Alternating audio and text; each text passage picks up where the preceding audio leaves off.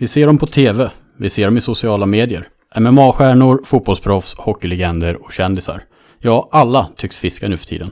Till och med på Tinder svämmar det över med bilder på män som håller i fiskar. Är det en nyfunnen hobby det här, eller är det bara lite extra coolt att fiska nu för tiden? När jag var liten var det inte direkt coolt att vara sportfiskare. Man var inte king shit för man kom till högstadiet med abborrsäd på byxorna för att man varit och fiskat innan skolan. Och det var ju lite så att man kanske sa att man gick eh, turism istället för sportfisketurism i gymnasiet för att inte få en nördstämpel direkt.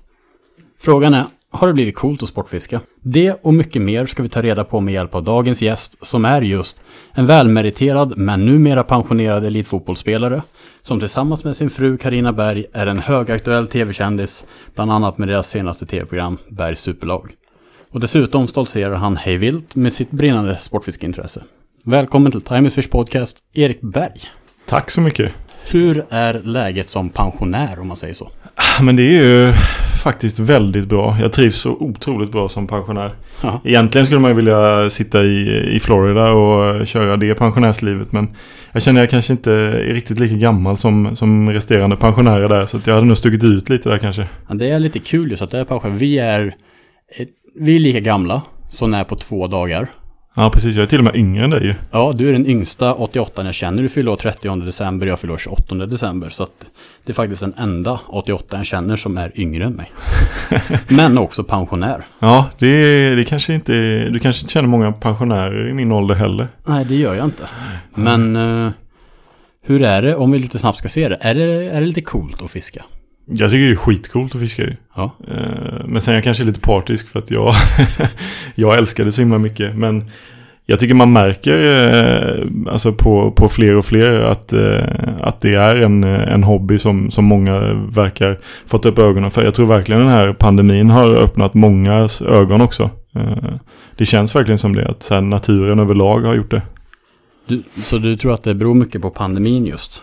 Alltså inte, kanske inte just pandemin, men jag tror många fick, eh, fick upp ögonen för våra närhet och svenska naturen. Och att, att hitta på någonting i naturen är ju, alltså det är det absolut enklaste du kan göra. Ta ett spö och gå ut och fiska. Det spänningen är ju det man, det man älskar med fisket tycker jag.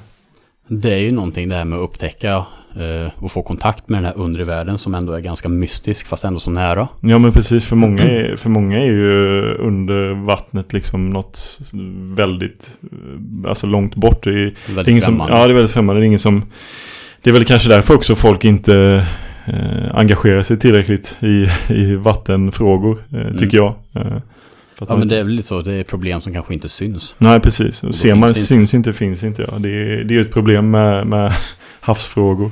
Jo, exakt. Och där är det också, ni som lyssnar på podden, eh, borde kika på Martin Falklinds serie Fiskarnas rike som finns på SVT Play. Eh, för övrigt. Han har också varit med i podden innan, så lyssna på det avsnittet. Men eh, det känns ju lite som att fisket har blivit kanske den nya golfen ja, kanske. Jag tycker Ja, man men- ser folk fiska mer och mer i media. Ja, absolut. Eh, många jag känner eh, har ju verkligen eh, fått upp ögonen för det. Och jag har ju varit en, en stor förespråkare för det. Så att jag har ju kanske fått med mig må- många på det. Men eh, det är någonting som, som jag verkligen tycker är så otroligt bra. Alltså, att sportfiska gör ju att man engagerar sig också i olika frågor kring våra hav och vår närhet. eh, Så att jag tror det är väldigt viktigt att vi får in fler på att sportfiska. För då engagerar man sig också tror jag. Ja, det, och det är väldigt aktuellt just nu med, med sådana frågor. Verkligen, verkligen. Det är, alltså, det är kul att se att de flyttar ut gränser för trålning och alltså det, det händer saker. Det, är- det är roligt och det är ju, jag tror mycket på att sportfiskare påverkar det där. Mm, helt klart. Du, du rör dig ändå en hel del i kretsar med kändisar.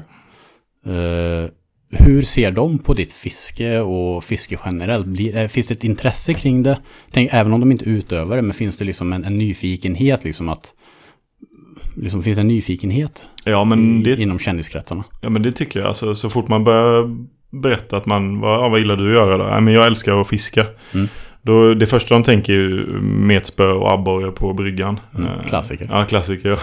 Men när man, när man berättar mer och, och liksom alla tekniker som finns och alla hjälpmedel och allt sånt där. Då blir ju folk väldigt intresserade. Mm. Eh, Det tycker jag är väldigt, väldigt roligt att se. Att eh, berättar man bara ännu mer och lite djupgående om själva sportfisket och hur det, hur det funkar så, så, så kommer intresset där och det tycker jag är, det är kul att se. Men det där är ju rätt unikt med fiskat. Även om det är en person som kanske inte fiskar, men du berättar att du fiskar. Direkt så har de någon form av, eh, de kan förknippa sig med det i alla fall. Ja, men alla har ju... En relation till det. Ja men precis, alla har ju säkert något fiskeminne nästan. Alltså, Mm. de flesta människor har ju testat att meta abborre någon gång eller liksom vad som helst. Men eh, jag tror att gemene Svensson har ju något fint fiskeminne tror jag. Mm. Det Men tror jag det är många ju- har verkligen. Det är ju den eh, populäraste frit- fritidssysselsättningen vi har i Sverige. Ja, jag såg Nu, nu är det gamla siffror som, som, som har gjorts då, men det snackades om två miljoner utöver om året Två miljoner utövare. i, inom Sverige. Men det här är ganska gamla siffror, jag vet inte exakt hur de är uppmätta, men det är det man brukar ja, i branschen Ja. snacka om, typ uh, ungefär två miljoner någon gång under året, typ håller i ett spö. Ja. Och det kan vara allt från en metrev till, till sådana Ja. som du och jag då, som, som tar det ett steg längre. Men det är ju så coolt faktiskt att det är så pass många. Det är riktigt Under häftigt. pandemin var det åtta miljoner. Ja, det var det ju garanterat. Om inte annat var åtta miljoner paddelspelare. Ja, ja, där har vi en konkurrent som jag eh, Ja. har väldigt svårt för. Samma här. Det är inte... Jag, jag gillar hellre att hålla i ett spö än ett Mm. mm. racket. Mm. Jag tillhör hellre fiskesekten än uh, paddelsekten tror jag. Exakt. Det där kan diskuteras. Ja. Finns varken rätt eller fel. Jo, finns rätt. Bra. Hörru du, eh, jag har kikat lite grann nu på din och din fru Karinas senaste projekt, Bergs superlag. Mm. Fantastisk serie. Ja, det, det har varit otroligt roligt att, att, att, att göra det programmet. Eh, Framförallt för att vi har fått alltså, 30 nya vänner som facetimar och ringer och smsar varje dag fortfarande. Mm. Det, det är så roligt och jag är så glad att jag får träna det här laget och träffa dem varje vecka. eh, Och kommer göra det under lång tid framöver. Det, det är någonting som piggar upp mina veckor väldigt, väldigt mycket. Man, man, eh, man lämnar ju varje avsnitt med, med glädje liksom. Ja, Det, man, man blir glad, det är en riktig feelgood-känsla. Ja, det är de har ju verkligen en unik... Eh, alltså de, är, de ser verkligen saker från, från ett perspektiv som är så jäkla fint. Det är så skönt, kommer man till en träning en söndag och man är lite låg, man kanske har fått något dåligt besked eller man har några problem här någonstans. Så går man alltid därifrån sen med största flinet.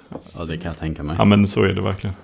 Och det här blir ju lite, för det här är ju ändå, eh, det är ju ändå fotboll som ditt liv har kretsat kring. Och sen är det det här nya tv. Är det Karina som har fått in dig på hela banan med tv?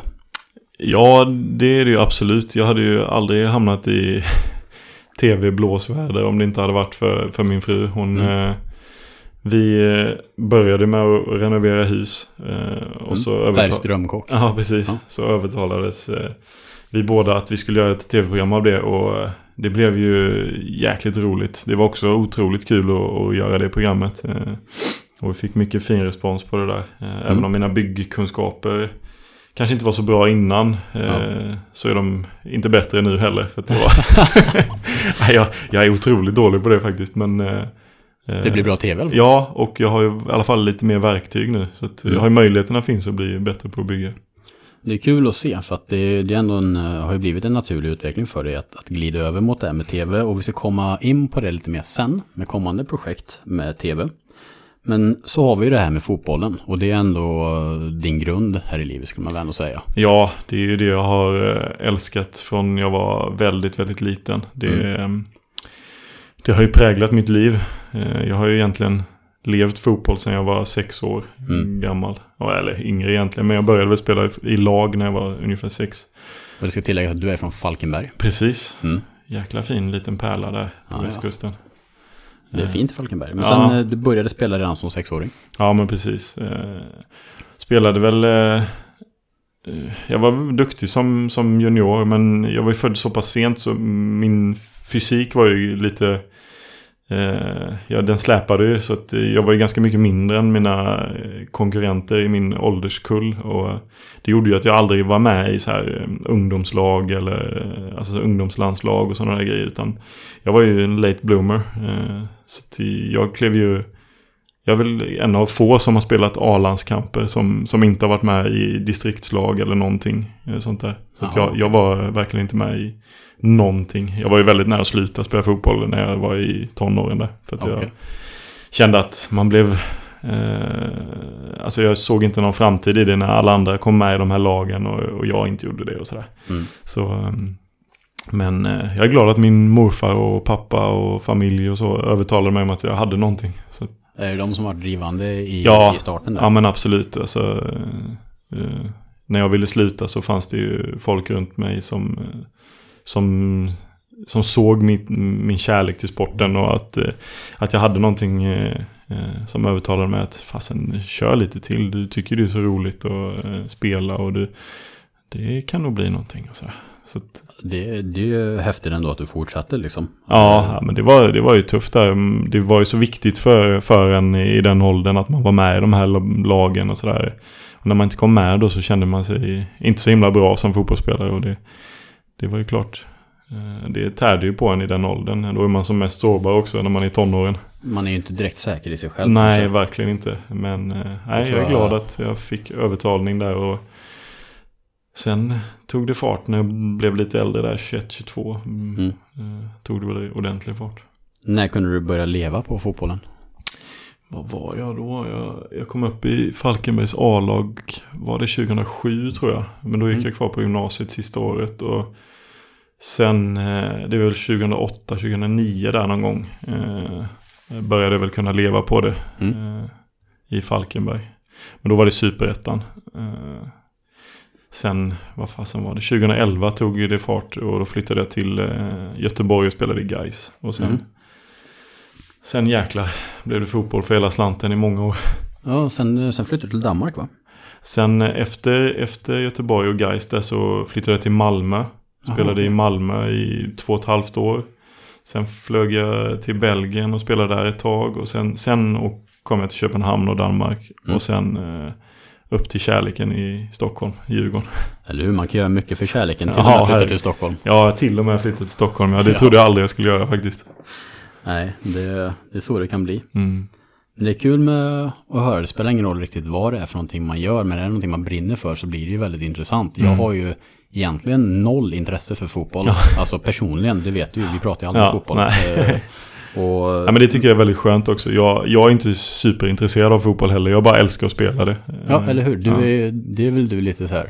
Det vet man. Erik är inte den största fotbollsintresserade men duktig på att spela liksom. Ja, men eh, någonstans där eh, en bit in i karriären så började man väl tröttna på att titta på fotboll också. Alltså, Mm. Det kändes som att det var viktigt att göra andra saker för mig. Eh, Mm. Men, eh, Men det är inte klart- samma sak att titta på som att spela Nej. liksom. Och det är samma med fiske. Jag, jag tycker det är roligare att fiska än att Ja. titta på det. Ja, det förstår jag. Eh, Men något, något som är väldigt fascinerande av med fotbollen, som jag också ser i sportfisket, som jag tycker är en sån himla stark, eh, unik grej med de här två grenarna, det är att eh, fotboll kräver inte mycket av utövaren för att ändå kunna ha väldigt kul. Du kan, du kan ta en boll och kasta till vem som helst. Mm. Du behöver ingen plan, du behöver ingen, ingen medspelare heller, utan du kan ha den här bollen, du behöver inga dojor. Eh, och du kan ändå så här utvecklas Mm. ständigt Mm. och liksom bara lära dig mer och bli bättre och du kan ha kul med det med så enkla medel. Och det är samma med fiske. Det spelar ingen roll vart man är i världen. Eh, väldigt enkla medel, en krok och en lina. Så kan du ha superkul överallt. Alltså, Mm. Ja. Ja, det är en jäkla fin jämförelse där faktiskt. Eh, Det, Det är en väldigt unik egenskap. Det är inte alla sporter kan Nej. ha det. Vissa, du måste, du måste till en bana, du måste ha medspelare, Precis. du måste ha prylar. Eh, fiske, du kan ha hur mycket prylar som helst. ja. Det vet vi. Men du kan också med väldigt enkla medel ha superkul. Och faktum är att man lyfter ju ribban hela tiden, men eh, mest glädje inom fiske, det kommer inte från någon som mig, som kämpar hela livet liksom efter en fisk kanske. Det kommer faktiskt ifrån någon som aldrig har fiskat förut, som fångar sin första fisk. Mm. Den glädjen. Det är så coolt tycker jag. Jag, tycker det är superkul att ha med folk som inte är så vana eh, och, och se den här glädjen med enkla medel. Det behöver inte vara en stor fisk som en annan Nej, behöver. verkligen, ja, precis. Verkligen inte. Och det, det är någon det är någon oförklarlig grej med fiske. För att det, det väcker någon, någon form av glädje som folk inte är beredd på. Nej. Det är väldigt speciellt tycker jag. Ja, jag, också, jag tycker också det är väldigt, väldigt kul att ta med folk som, som inte är speciellt erfarna på att fiska Ja. eh, ut. För att det är som du säger, den, den glädjen när de får sin, sin fisk är så jäkla häftig. Ja, för det, det, det blir typ, Jag hade med, jag var med en, en jaktkanal Mm. som heter Side by Side Hunt, Mm. Madde där då. Eh, Och en som heter Kicken som är programledare Mm, mm. på Postkodmiljonären där. Ja. Eh, De var med mig och fiskade gös och de har ju ingen tidigare erfarenhet och bägge två fick ju gös. Ja. Och man kan se på, på Maddes eh, kanal Side by Side Hunt på YouTube. Och hennes glädje, det är hysteriskt. Jag bara såg garva i båten, jag visste inte vart jag skulle ta vägen. Det var, var helt hysterisk och, och Kicken han blev gladare än vad han trodde också faktiskt när han fick gös. Ah, Ja, men det är det som är fiske tycker jag. kul. De här delade upplevelserna med fiskekamrater, det tycker jag är, alltså det är så vackert. Ja, det är riktigt coolt och, och väldigt speciellt så. så. Men det är ju lite det, eh, likhet. Ser du några andra likheter om man tänker tillbaka på din karriär och så här? Du har ju liksom verkligen haft en, en ordentlig karriär nu inom fotboll. Ser Mm. du någonting, någon annan likhet med fisket? Ja, men eh, det är väl egentligen också det här, ju mer tid man lägger på det, ju, ju bättre blir man. Alltså det gäller ju verkligen att lägga ner sin tid om man vill bli en duktig, duktig fiskare. Alltså Mm. det, det märker ju jag.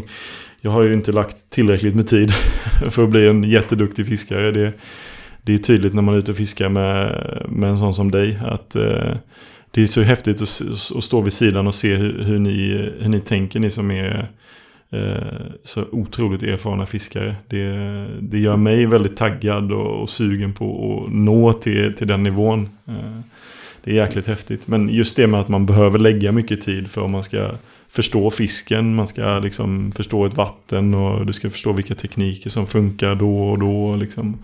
Ja, jag tycker det, det finns så, det finns ändå ganska mycket likheter eh, Mm. nu när man börjar tänka på det. Eh, Största skillnaden är väl att fotboll är en lagsport. ja, Att, eh, Just att, det, ja. att man är ett gäng liksom. Ja. Eh, och att publiken är på plats. Ja, just det, det är det. Du har ju, du har ju YouTube-publiken, eh, du har inte den på plats vrålande i ditt öra i alla fall. det, Det hade skönt. varit helt sjukt alltså. För ibland brukar jag tänka när man står där i de här produktionerna, Pike Fight och det.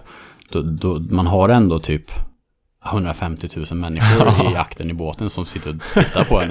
Och både hejar på och dömer Ja. den såklart då. Ja, Eh, ja precis. Det och och det, det kan vara stressande när man Ja. står där och inte kan fånga en fisk. ja, börjar man tänka på det så då kan det nog bli tufft. Ja. Men det är ganska skönt eh, att, att inte ha dem så nära så att man hör dem i alla fall. Ja, som, man, det- som man gör i fotbollen. Det. Var det jobbigt i fotbollen det där att, att, att de, de var så nära att de kunde personligen nå dig? Att kanske dels att, att skrika bra saker såklart, och Ja. också dåliga. Alltså jag har ju hört allt, allt möjligt i, i, genom min karriär men alltså det mesta är ju, är ju positivt med publiken ändå tycker jag. Ja. Alltså det, det är ju då och då som det, som det är negativa eh, tongångar och sådär. Det, men det var ju någonting man alltså på, på många sätt tyvärr vande sig vid. Att Ja. liksom motta dödshot och eh, olika Det svordomar. är helt otroligt alltså. Eh, Men ja, det är ganska märkligt. Det är roligt. Jag och, min fru brukar prata om det. Eh, Hade publiken på hennes tv-produktioner suttit och skrikit de där grejerna hade det ju varit eh,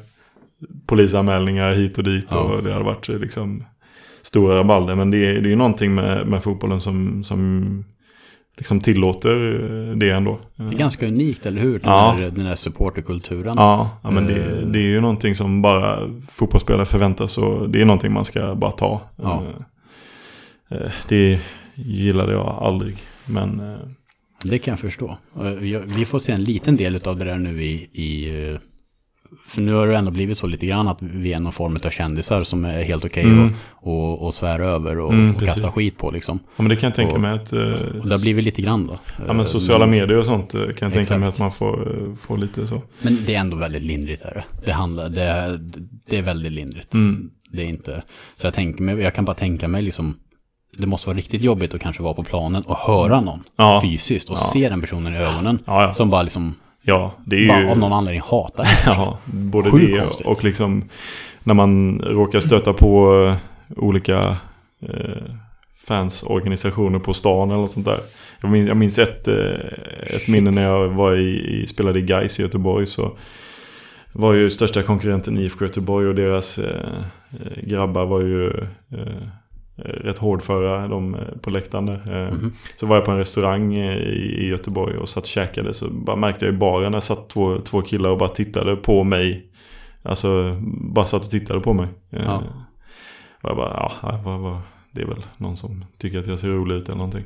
Ja. Men sen så ett par timmar senare så hade de ju suttit bara suttit och tittat på mig hela, hela kvällen. Bara, då var det lite obehagligt. så vi, äh, vi valde att gå därifrån den restaurangen. Och sen, men när vi precis ska gå ut så, så ställer de sig i, i, i entrén i dörren liksom med armarna i kors. Och stod det på tröjan då deras eh, fanorganisation där. Eh, och då kände man sig lite olustig ändå. Alltså. Vad ville de då? Nej, de ville bara markera att de, de såg att jag var där. Och de gillar inte det laget jag spelar i. Det är så sjukt alltså. Det, Ja. det, det där är någonting jag aldrig kommer förstå. Ja. Det där att, att, att hata Nej. någon på, beroende på vad man liksom Ja, spelar i. Eller, eller bara det här du, supporter som hatar varandra för, att, för att man håller på olika lag. Jag fattar inte det. Nej, men det är en helt annan grej. Det är väldigt tråkigt men det, det är ju någonting som bygger ett intresse kring, alltså folk älskar ju det här mot varandra också. Alltså Mm. de, de tycker det är kul och, och hata varandra, märker man ju. Mm. För det är, så, det är så mycket hat. Men det är ju skönt. Det där känns det som att det, det där är bakom dig nu. Liksom, det där slipper du. Ja men det, det tycker jag, det är inte så många som Ja, det är då och då kanske någon skriker Djurgårdsjävel eller någonting på stan. Men eh, Vad roligt Ja.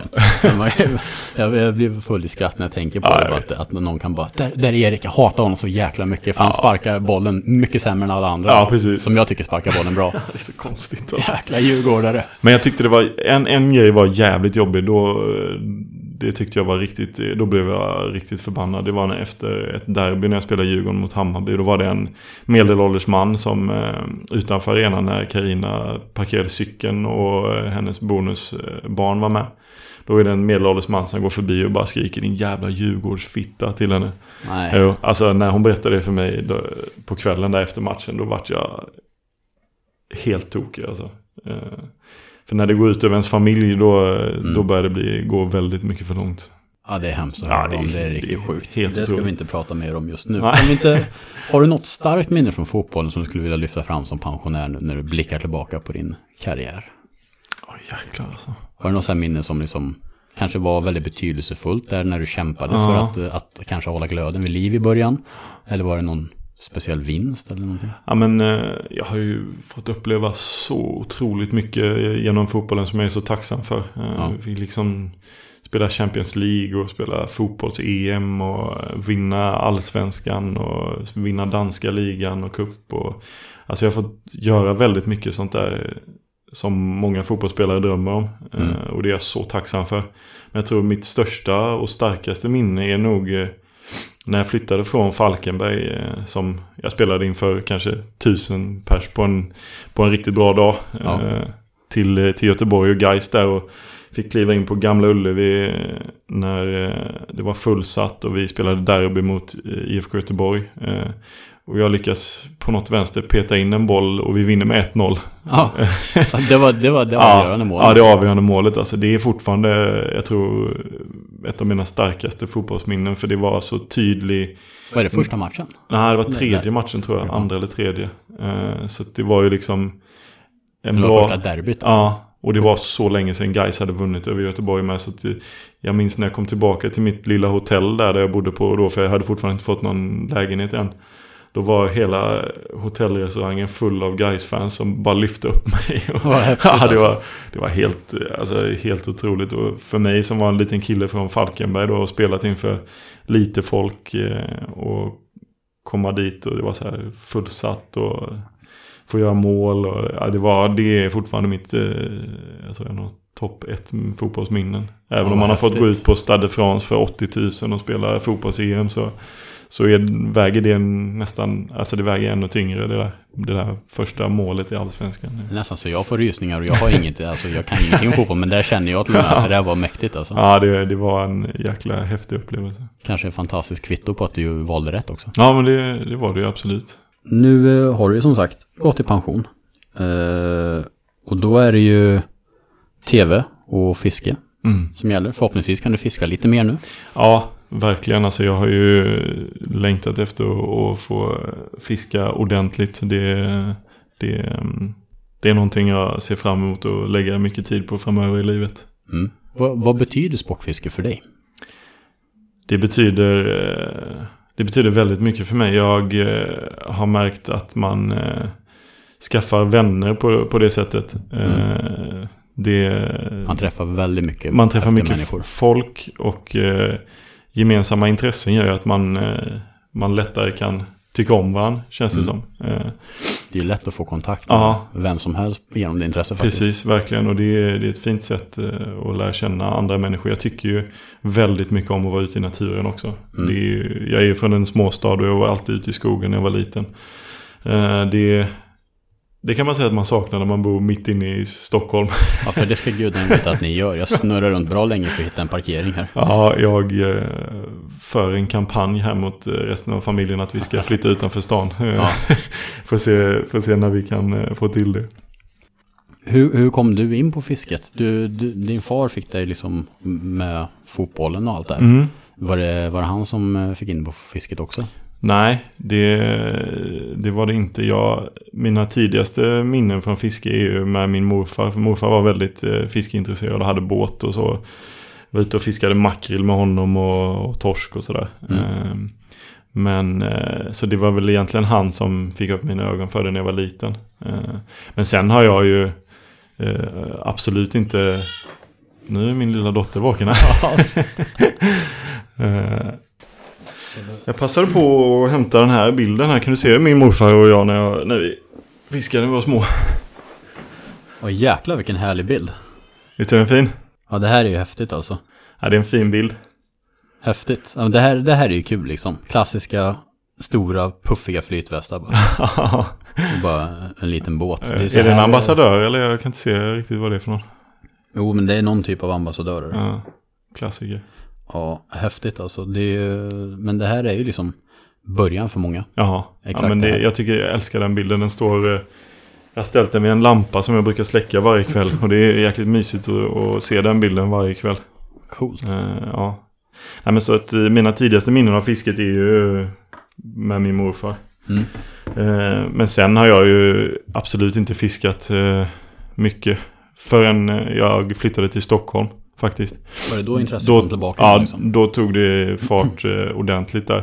Hur kommer det sig? Eh, där, där är några spelare i, eh, i laget där som är väldigt fiskeintresserade. Mm. Eh, när jag kom så var det ju Jakob Une Larsson är väldigt intresserad och sen Kerim Mrabti och sen eh, Sen är det ju faktiskt mest tack vare Han heter Ville Bäckström Han filmar all Djurgårds media och sådär Jaha, okej. och han är en fisketok eh, utan dess like. Så att, eh, det första han frågade mig när jag kom till Stockholm var Fiskar du?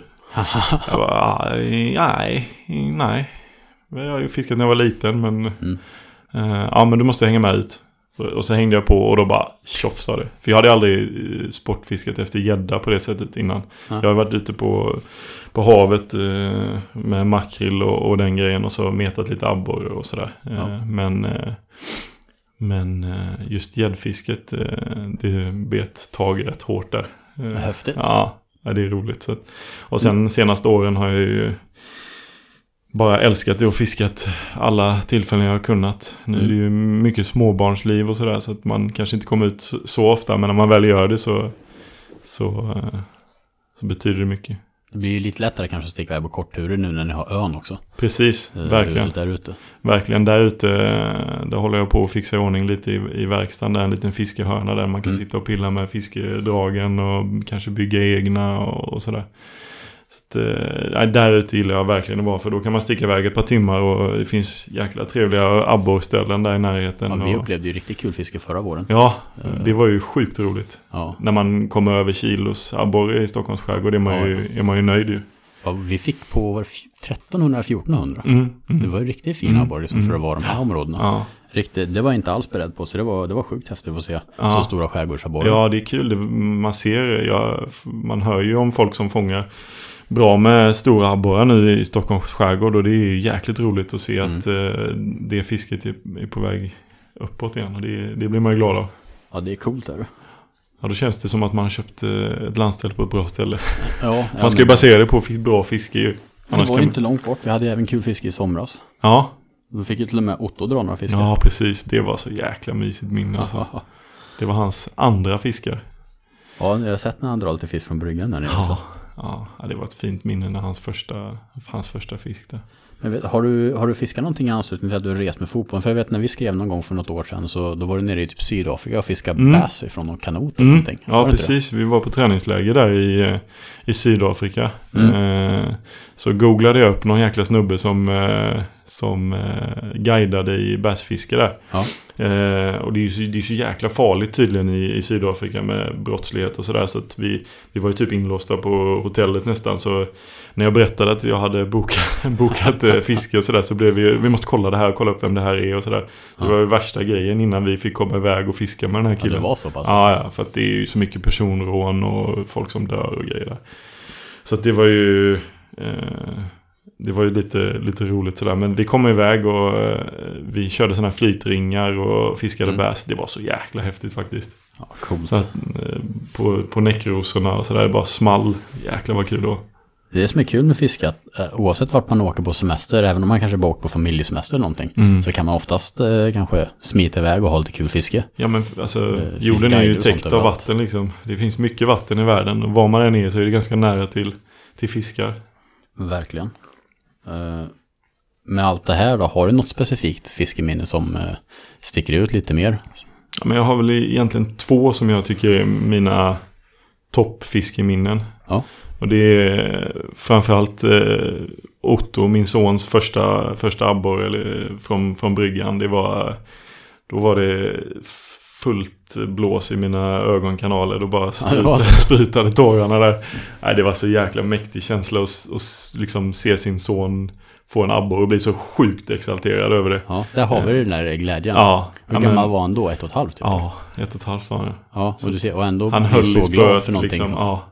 Eh, jag fick hjälpa till med det mesta men eh, han, när han fick upp den och, och liksom fick känna på den och sådär. Alltså hans stora ögon då, det var så coolt. Ja. Vi hade ju liksom varit och grävt mask innan och gjort hela den grejen. Så att, Hela eh, den här klassiska proceduren. Ja, det har ja. starka minnen av också. I med farmor. det är något nästan religiöst över det. Ja. Eh, eh, så att, nej, men sen eh, så här på morgonen efter eh, så, så, eh, så direkt när vi gick upp på morgonen så pekade han på dörren och så gjorde han blub, blub, blub, blub, blub. Ja. Då ville han ut och fiska direkt igen. Det att, körde han med i somras också när vi Ja. var ute. Ja. Varje gång det var en fisk liksom.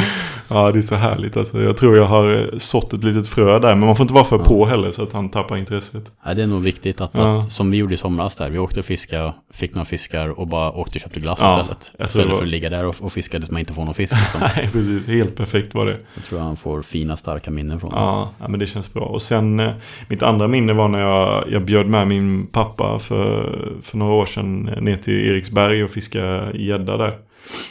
Ja, just det. Eh, var det vem, vem var det som var guide då? Det är Olle, Var det Olle Lidegård? Ja, då? ja. Han är kung. ja jäkla fin person. Han är typ branschens, eh, hela branschens pappa känns det. Ja men verkligen, han hade sån jäkla fin omfamnande personlighet. Ja, Alltså, ja. Han, han skrev faktiskt och berömde mig för podden här för någon, för någon vecka sedan. Ja, det- Eh, Så jag föreslog att han skulle vara med i podden framöver också. ja, det är en, ett jäkligt fint namn tycker jag. Mm. Ja, men så, så, och pappa han eh, har inte varit någon fiskare direkt i, genom sitt liv eh, och aldrig fått en gädda. Eh, Mm. Så bjöd jag ner han dit. Och så åkte vi ut där med Olle tidigt på morgonen och dagen innan käkade vi väldigt gott och så här. Det var ju Ja, grymt att det är ställe. väldigt bra Ah, alltså det är helt otroligt. Är så vackert ställe och, och, och få fiska där också. Där det går rätt stora fiskar är ju spännande när man är Mm. där. Men det är ju också ett, ett eh, landmärke för sportfisket i Sverige. Det var ju där Ja. gäddfeber Ja, spelades in. precis. Ja. Och gäddfeber slungade sportfisket i Sverige i den riktningen som det har tagit de sista 20 åren. Ja. Det är nästan 20 år sedan den filmen gjordes nu, Ja. det är rätt sjukt. Ja. Men eh, den satte prägen och eh, grunden för modernt Ja. gäddfiske. ja. Och det är Trumman och Buster eh, som, som ligger bakom det. Ja. Så det är väl mycket att tacka dem för. Ja, verkligen. Det, det är lite som att vara på helig mark när man kommer dit. Det, ja. Ja, jag måste åka dit någon gång, jag har aldrig varit där. du har inte det? Det Nej. måste du absolut göra. För det, det är en upplevelse. Fisket är ju en grej, men alltså hela, hela stället och parken är ju, det är ju så vackert så att man svimmar ju nästan. Fick han någon gädda då? Ja, men det var ju det som var så jäkla coolt. För han... Eh, vi glider ut där med båten och så tar vi, vi några kast här eh, och övar liksom. Han är inte supervan vid, vid kastspö och sådär. Mm. Så... Eh, ja men det här sitter, nu, du är duktig på att kasta, det, här funkar liksom. Så, så drar vi ut en liten bit och så det är, du har inte många kast. Sen får han en 9, 9 kilos gädda som sin första gädda i livet. Fick han en 9 kilos? Ja, strax under, eh, strax under metern var den. Så den var ju tjock jäkel. Vad sjukt. Ja, så, Vad häftigt Och alltså. när han, eh, när han står och vevar där och det är så tungt och han, han står och kämpar där och, och sen får upp den och sen står han och håller den på något roligt sätt liksom. Alltså, helt sjukt. alltså bilderna på han eh, och hans leende där, det, det kommer för evigt vara i mitt hjärta. Det är, Vad häftigt alltså. Ja, det är så, det var verkligen också en sånt minne som är så otroligt starkt. Snacka om att sätta ribban högt från början. Ja, precis. Han, han fiskade ut mig där totalt. Nej, men eh, det var, det var verkligen, eh, verkligen fint. Det, är- det, det som är så häftigt. Det är en sån, en sån grej man kan dela med människor. Så Mm det, Det var kul att, att de här två minnena ändå, det var ändå det här vi pratade lite om i början där med, med hur eh, den här eh, glädjen som man kan få, Mm. man behöver inte ha kämpat för en stor fisk, utan men Nej. glädjen kommer på något sätt naturligt när det är fiske. ja, Det är jätteskumt där, men det, det, jag vet inte vad det har någonting med våra gamla jaktinstinkter att göra, Ja, någonting, eh, glädjen av att vara. fånga ett djur liksom för att, eh, någonting gammalt inprintat, för det är någon glädje som inte riktigt finns i andra saker. Nej, det kanske är man får en fisk, fan överlever vi ett tag till alltså. Ja, men- på, få lite mat här. Ja men exakt, att det är någon, någonting som liksom kickar igång Ja. för att folk reagerar inte på samma sätt om, om man skulle slå, liksom sparka. Ja, men jag vet inte, andra sporter eller hobbys och sånt där. eh, det- Det känns inte som att det är samma typ av glädje. Nej, jag håller med där. Det är, verkligen- någonting speciellt. Det där skulle vara intressant om någon kunde forska lite på. Ja, kom igen nu fan. ja, exakt. Någon som är lite smartare än mig. Ja, absolut inte mig. Jag, jag tänker fortsätta fiska bara. Så blir det bra med Jag också. Hörru Du, någonting som är högaktuellt. Jag hoppas ju på att få ut det här avsnittet redan ikväll. Mm. För då blir det väldigt aktuellt. Eh, Det är någonting som är igång just nu som heter Livlinan. Mm. Och det här är ju ett initiativ eh, ifrån betesbyggare, Jakob Lindahl, Mm. som, eh, som kör det här projektet. Och det är ju aktioner eh, för eh, Barncancerfonden, Mm. fonden, Precis. eller hur? Och där har ju du bidragit, eller hur? Ja, jag eh, kontaktade Jakob där och sa att jag tillsammans med Freewater och Didriksson vill ha en ordentlig aktion där som, så vi får in lite pengar till Barncancerfonden. Så det är en, en fiskedag med mig och Johan Bäck från Freewater Pictures. Ja. Eh, ute i Stockholms skärgård här och så bjuder vi på käk och bastu hemma hos oss på vårt, eh, vårt ställe där ute i skärgården. Och lite allmänt mys bara. Mm. Eh, och så får man eh, ordentliga kläder från Didriksson med.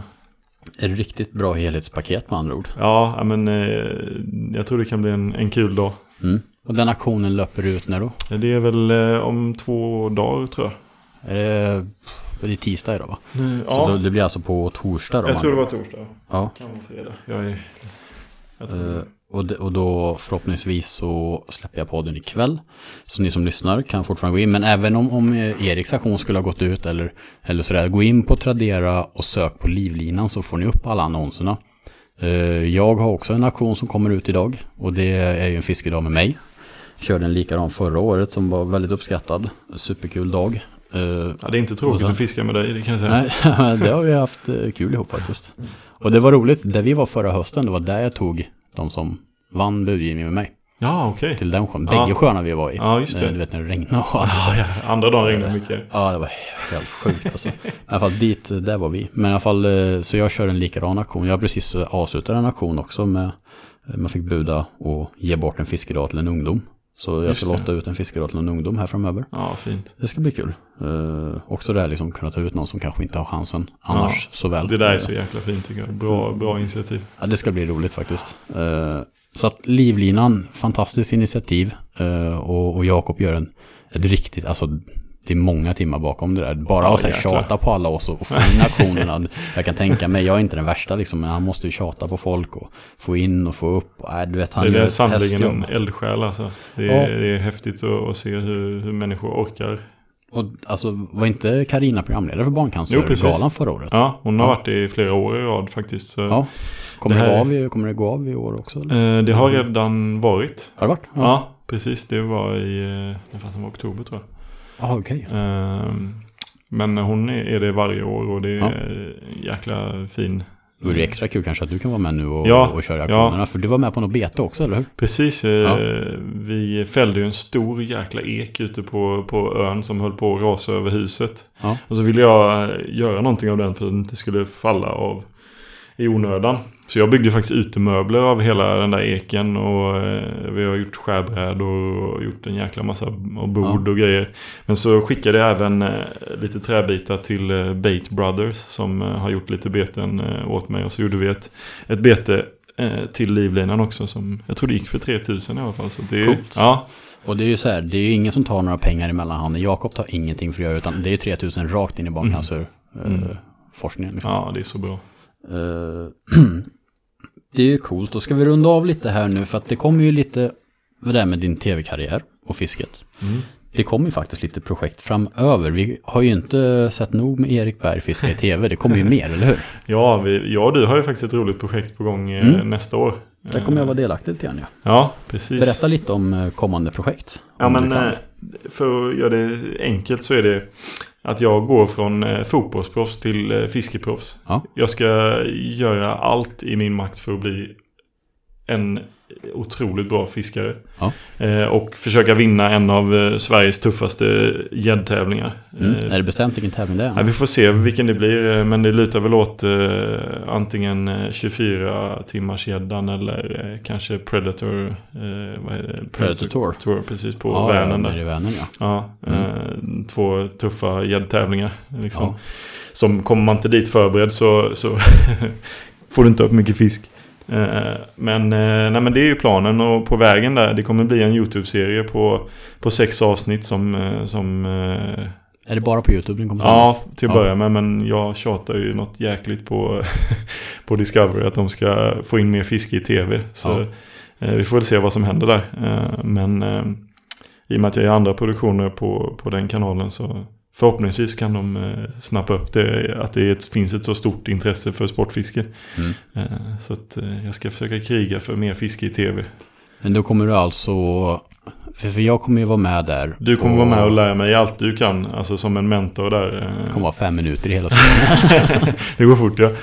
Nej men precis, jag kommer träffa lite olika personer inom eh, sportfiskevärlden och även folk som kan eh, vatten eh, i Sverige. Eh, Mm. eh, Så att eh, ja, men det kommer vara att jag ska lära mig allt. Jag ska lära mig hur gäddan tänker i princip. Mm. Så då kommer du liksom gå igenom alla de här stegen för Precis. att försöka lägga ihop ett pussel som Precis. slutligen ska hjälpa dig att Vinna. vinna till och med. Ja, precis. Nej, men, eh, och det är roligt för jag och du kommer ju Vi kommer ju få en, en sjö eh, som varken jag eller du har fiskat innan. Mm. Och eh, så ska du visa mig hur man liksom bryter ner ett vatten och hur man förstår hur man ska fiska på ett helt nytt vatten. Eh, Det ska bli riktigt kul faktiskt. Ja, det tycker jag också. Vi har ju ett moment i pikefights och uh, perchfights, sånt som heter Lake X. Ja, precis. Och det är ju det här liksom att vi får en sjö dagen innan, utan Mm. vi får bara liksom eh, lösa det med hjälp av djupkartor och, och sådär. Och Det, det, ja, det tycker jag är så alltså, ruskigt kul för att eh, du är ju väldigt, väldigt duktig på det där och jag eh, ser fram emot att, att lära mig mycket om det och hur man, eh, hur man ska se på en sjö och hur man ska tackla en sjö.